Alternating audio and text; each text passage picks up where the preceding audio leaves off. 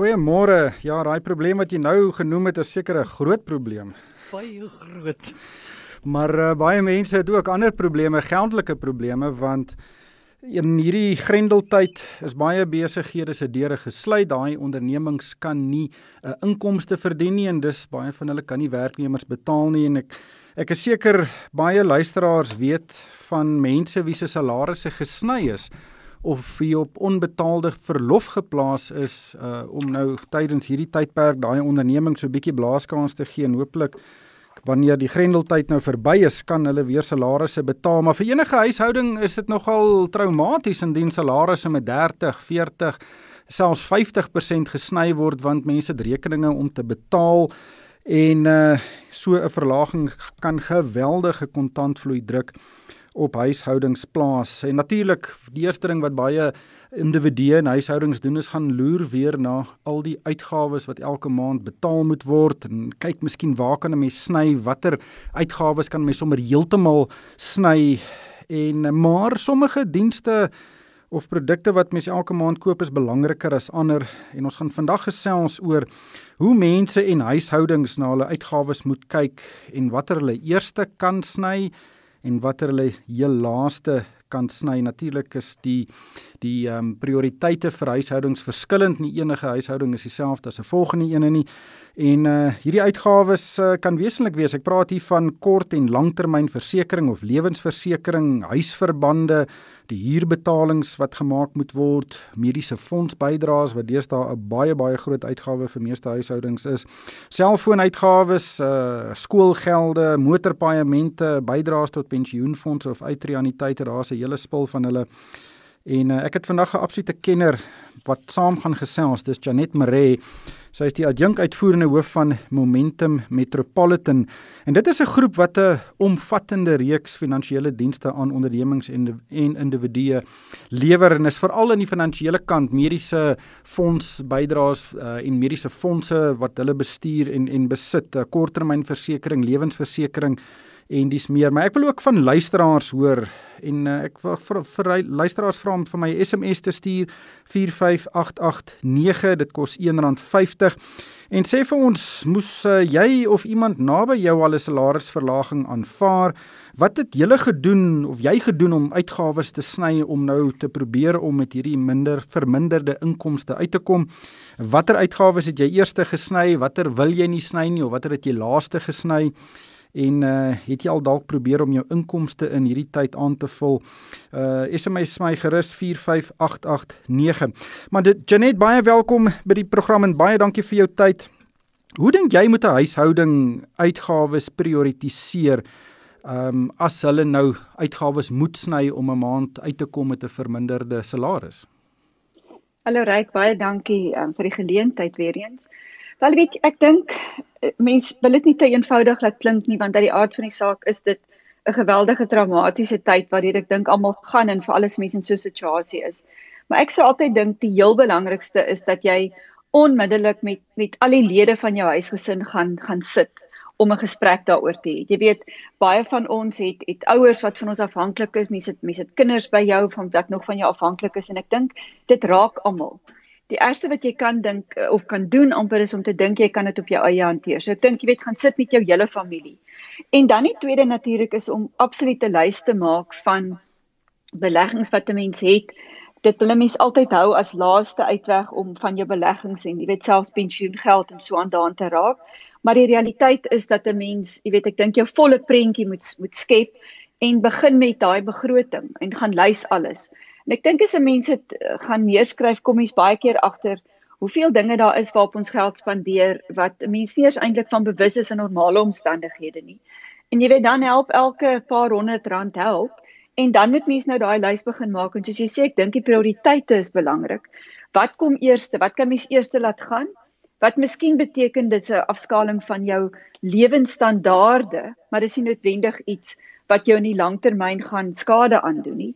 En ek meen ek ek wil nou nie iets spesifiek uitsonder maar mens kan dink aan iets soos amper jou jou jou DStv premie. Jy weet, dis dis om om jouself ehm um, uh besig te hou in die aande, maar dis nie noodwendig die belangrikste ding wat jy moet hê nie.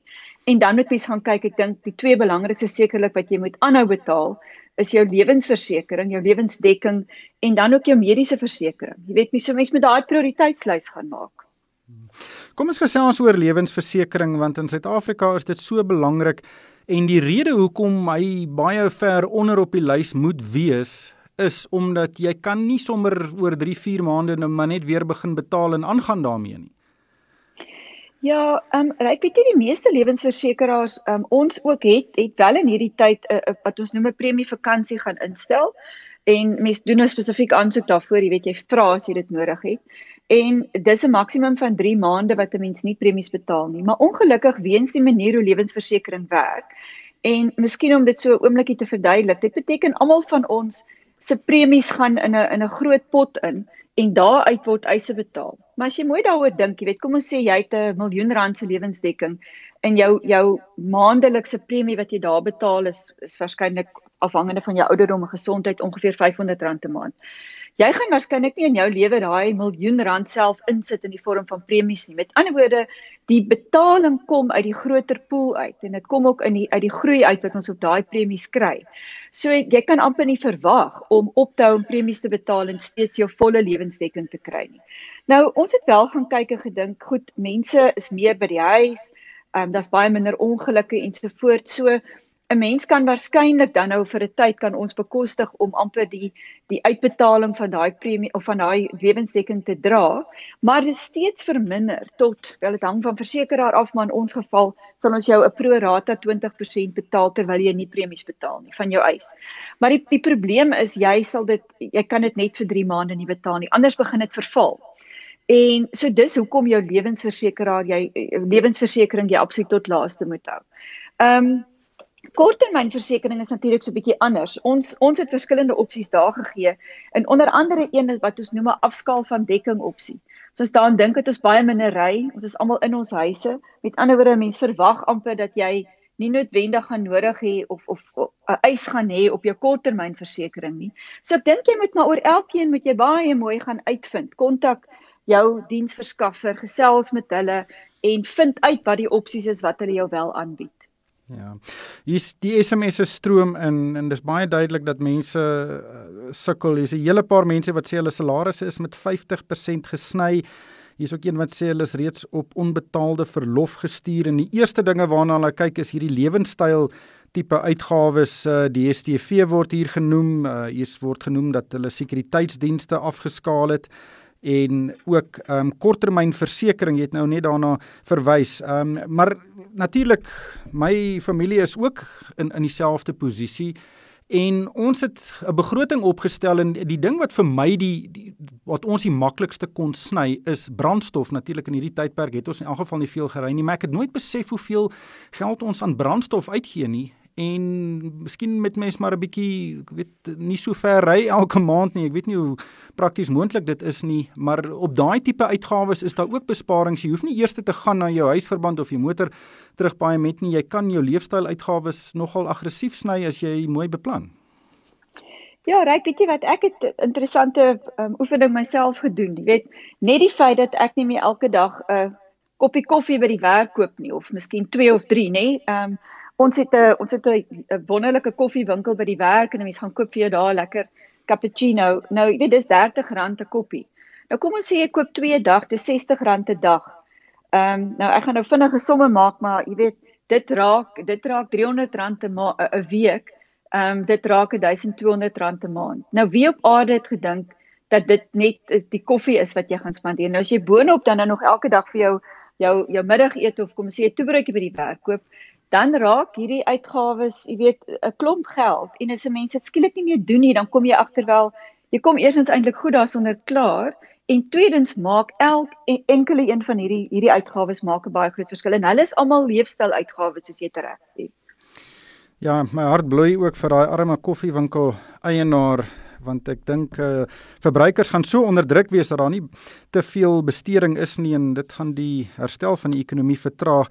Julle paar vrae oor huisverbande en en natuurlik vir meeste mense is dit hulle grootste uitgawe elke maand of om huur te betaal um, of om 'n huisverband betaling te maak, maar verskeie instellings het reeds ook hierdie betaalvakansies vir die terugbetaling van huisverbande gegee en en sommige motor uh finansieringsinstellings uh, het ook uh, vakansies gegee. Hoe moet jy daarna kyk want dit is nie net 'n vakansie nie. Jy gaan later bietjie moet opdok daarvoor so jou toekomstige terugbetalings gaan hoër wees. Hoe, hoe moet 'n huishouding dit benader? Ja, weet jy, ek dink die probleem is as 'n mens mooi gaan kyk hoe dit werk, die die rente wat jy oor hierdie periode sowel as die paemente wat jy nie betaal nie, word gekapitaliseer wat beteken jy gaan later rente op rente op hierdie ehm um, kapitaal en en rente betaal. Ehm um, van die van die berekeninge wys dat jy tot 2 jaar kan byvoeg by jou terugbetalingstermyn spesifiek op 'n huisverband wat natuurlik nou oor 'n langer termyn is. Ek dink die realiteit is dat 'n mens sou dit nie graag in so 'n situasie wou wees nie. Maar as jy nie 'n keuse het nie, bied dit ten minste vir 'n mens 'n uitkoms. Ehm um, in hierdie geval is dit miskien beter om na jou korter termyn um, lenings te gaan kyk soos byvoorbeeld dan nou jou jou motor ehm um, terugbetaling want die effek daarvan is nie so groot nie omdat dit oor 'n korter termyn is. Met ander woorde begin by jou korter termyn skuld in die geval. En dan dink ek ook as ons spesifiek na skuld kyk, jy weet, kontak die die instansies aan wie jy skuld. Jy weet, onderhandel met hulle. Kyk hoe jy uh jou jou skuld moenie moenie net ophou om te betaal nie. Ek dink dis die belangrikste punt daar. Want dan eindige mense nog op met 'n met 'n swak kredietrekord ook. Jy weet so kontak hierdie instansies, onderhandel met hulle. Kyk waar jy afslag kan kry as jy byvoorbeeld hier, jy weet, kyk onderhandel en kyk hoe jy hoe jy dit ten beste kan struktureer. Maar ongelukkig op jou lang langtermynskuld soos jou huisverband, gaan dit 'n groot effek hê. Natuurlik sou 'n mens dan wou hê dat as dinge na normaal terugkyk, dat jy probeer om dan 'n klein bietjie ekstra elke maand af te betaal op jou huislening. Jy weet om weer daai uh, um, tyd op te maak en te kyk of jy dan nou nie, jy weet, ontslaak kan raak van daai al daai ekstra gekapitaliseerde rente en terugbetalings wat jy nou gemis het nie. Ja, Jaco sê stop onnodige ritte, geen uiteet nie, geen wegneem etes, geen cappuccino's, geen DStv, geen rook, geen drank ensovoorts. En en en weer eens jy moet eers uh jou lewenskoste uh, en jou um, gerieflikheidskoste neem ek aan. Daar is nog 'n persoon sê eet meer groente eet minder vleis uh wat natuurlik uh, ek weet nie baie mense daar eers te gaan sny nie maar iets wat vir my baie bekommerd het is baie mense het eers te gaan sny met pensioenfonds bydraes. Pensioenfonds het ook vergunnings gemaak vir mense om ook 'n bietjie van 'n vakansie te neem. Waar in die prioriteitslys moet daardie bydraes lê Wel ek dink dit dit staan, jy weet, saam met jou lewensversekering. Dit moet die laaste plek wees waarna mens kyk. Nou 'n mens, jy weet, dis amper 'n geval van niemand kyk oor jou skouer daarvoor nie. Maar as jy baie mooi gaan dink die geweldige moeilike situasie waarin jy kan wees oor die langtermyn wanneer jy oud is en nie meer in staat is om te werk nie, jy weet, die effek daarvan om van jou pensioengeld te gebruik as jy dalk afgelê word of om op te hou om jou bydraes te maak, jy weet oor die langtermyn het 'n geweldige negatiewe effek. En ek weet dis baie, jy weet dit dit klink so maklik om dit te sê en ek ek weet as 'n mens in die moeilikheid is, jy weet dan het jy waarskynlik nie 'n keuse nie. Maar weer eens, dit sou een van die laaste plekke wees waar waarna mens moet kyk. Jy weet, ek begin met jou leefstyl, ehm um, begin om on te, onderhandel oor van jou korttermynskuld.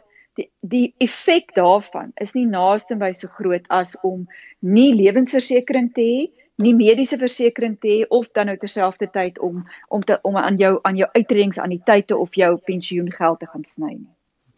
Nog 'n persoon sê hy het sy motor verkoop en hy gebruik nou Uber en ek neem aan van enige van die ander uh taxi dienste uh natuurlik baie mense is afhanklik van hulle motors hulle kan dit nie verkoop nie en en maar daar is so 'n uh, 'n persepsie dat jy moet 'n motor in Suid-Afrika hê. Dis nogal 'n interessante voorstel om jou motor te koop en dan net seker 'n broodnodige ritte te neem en dan gebruik jy 'n huurmotor en dit kan ook vir jou miskien net 'n paar rande in jou sak spaar. Ja, weet jy, ry twee dinge daaroor. Ek dink die eerste een is um, gaan maak hy som. As jy 'n motor op skuld gekoop het teen die tyd dat jy die versekerings bygesit het, teen die tyd dat jy dat jy wel selfs nie tyd, nê? Nee? Ehm um, wanneer ek in, in Johannesburg is dan maak ek baie kere van, jy weet, Uber of of so iets gebruik. Die ekstra werktyd wat ek het want ek kan in die motor sit en werk eerder as om, jy weet, gefrustreerd te wees met verkeer en dinge. Net die verskil wat dit uh, maak. Maar gaan maak hy som. Ehm um, ek het 'n hele paar kollegas wat wat hulle wat wat twee motors gehad het en wat een van die twee verkoop het.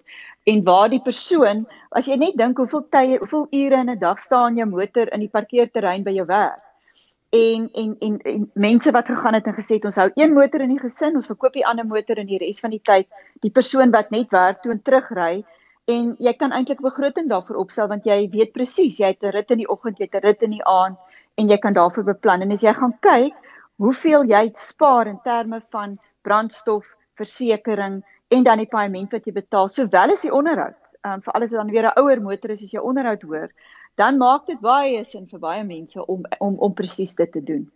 En ek dink die tweede ding is wat ons nog nie oor gepraat het nie is praat met jou finansiële adviseur. Jy weet ons praat amper nou maar sal ek sê los en vas en 'n mens probeer raad gee. Kontak jou finansiële adviseur. Finansiële adviseurs nou is desperaat om by hulle kliënte uit te kom. Ehm um, stel 'n oproep op en laat daai dat daai persoon jou help. Hulle gee vir jou 'n kundige oog wat jou kan help met hierdie beplanning en spesifiek kan hulle jou raad gee oor die tegniese aspekte van jou versekerings en wat om af te skaal, te los, premie, vakansies te neem en wat nie te doen. Jy weet kry daai advies. Ja, nog 'n interessante SMS sê los drank en sigarette. Mens kan nie glo wat jy elke maand daarvoor betaal nie. En uh, nog 'n persoon sê my vriende rook en drink lekker, maar hulle het nou hulle verbandpaaiement laat uitstel en dit wys weer een sommige mense se prioriteite is anders as ander mense se. Ja, wel ek dink veral nou, jy weet, ek ek is ook bewus hier en daar van iemand wat wat nog sigarette kry. Jy kry dit nou net teen 3 of 4 keer die prys. Jy weet en en so 'n persoon sou dalk werklik beter afgewees het om om maar hierdie tyd te gebruik om dalk op te hou rook en jy weet miskien minder te drink. Ek weet nie of mense sal sal ophou nie, maar dis die probleem. Jy weet, ek dink dit gaan maar oor 'n mens se prioriteite. Ehm, um, maar as jy in 'n situasie is waar jy opgehou het om jou pensioen bydraes te betaal of waar jy, jy weet, 'n premie vakansie moes neem op op jou op jou lewensversekering of nie meer jou huisverband kan betaal nie. Maar jy's werklik steeds bereid om, jy weet, jou jou leefstyl soos om te rook en te drink en so aan aan die gang te hou, dan dink ek jy moet baie baie mooi oor jou langtermynprioriteite gaan gaan dink. Ja, ek dink dis 'n baie baie goeie tyd om dalk op te hou rook. Uh, ek gaan nou self nie skyn heilig wees en sê ek gaan ophou om 'n wyntjie te drink elke aand nie, maar uh, dit is ook nou seker maar prioriteite.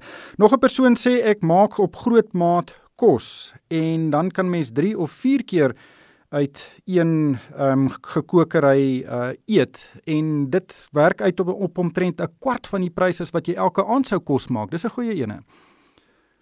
Ja, dis 'n baie goeie een en ek dink jy weet ons almal besef nou eintlik eers weer jy weet hoe, hoe hoeveel goedkoper 'n mens kan lewe indien jy jou jou soos jy nou sê weet jou eie kos maak en op 'n ander manier daarna kyk, maar ek ek moet met jou saamstem.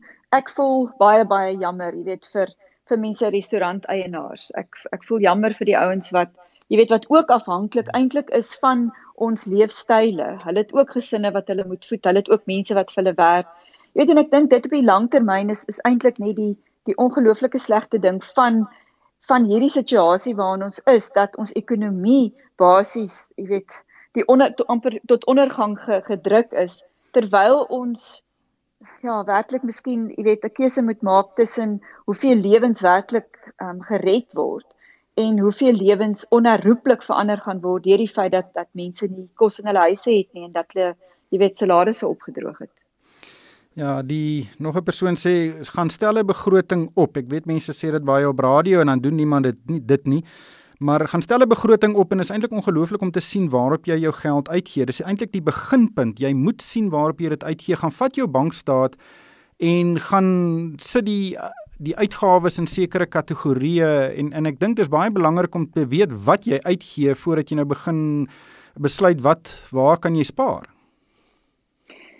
Ja, ek ek meen dit weet om 'n begroting op te stel is is eintlik ongelooflik. Ons het ons het navorsing gedoen Ehm um, ons doen dit so elke jaar, is so leefstylnavorsing, ehm um, finansiële welstand navorsing wat ons doen saam met Unisa. En die syfers is ongelooflik. Mense wat finansiëel wel goed af is, 60% van hulle het 'n begroting. En jy weet ek dink dis waarskynlik die eerste ding wat 'n mens 'n paar na jou leer met jou sakgeld is om te begroot vir wat jy nodig het. En dis eintlik die laaste ding wat ons doen.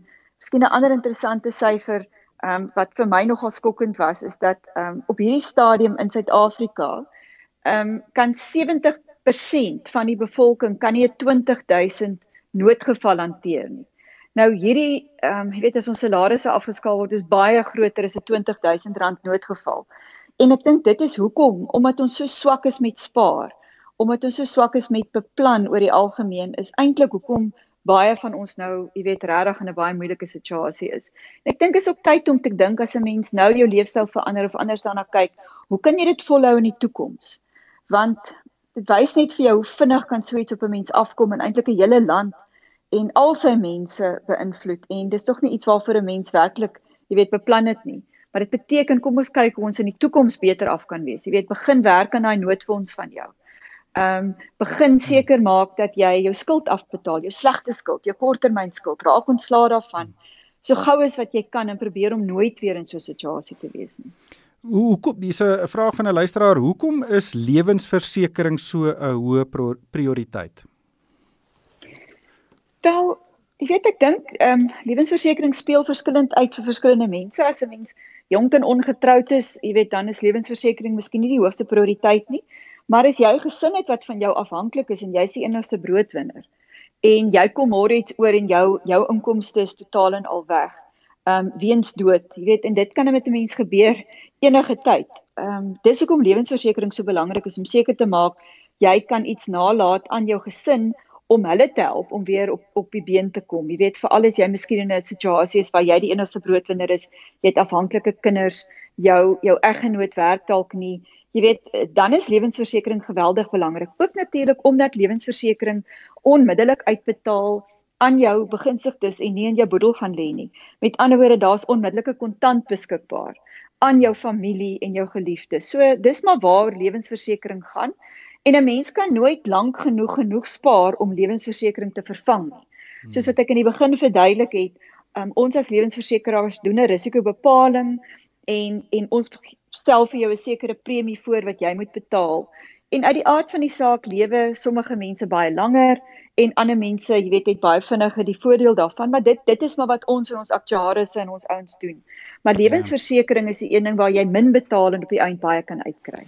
Ja, daar's baie mense ook wat hulle motors, hulle fietses en horlosies en brille verseker, maar hulle verseker nie hulle belangrikste bate nie en dit is jou vermoë om 'n inkomste te verdien. En ek dink mense moet uh, nie net sien dis 'n uitgawe nie, maar dit is 'n 'n versekering indien jy jou vermoë verloor om uh, inkomste te verdien dat daar dan 'n uh, uitbetaling is. Uh, dit is eintlik 'n baie belangrike een.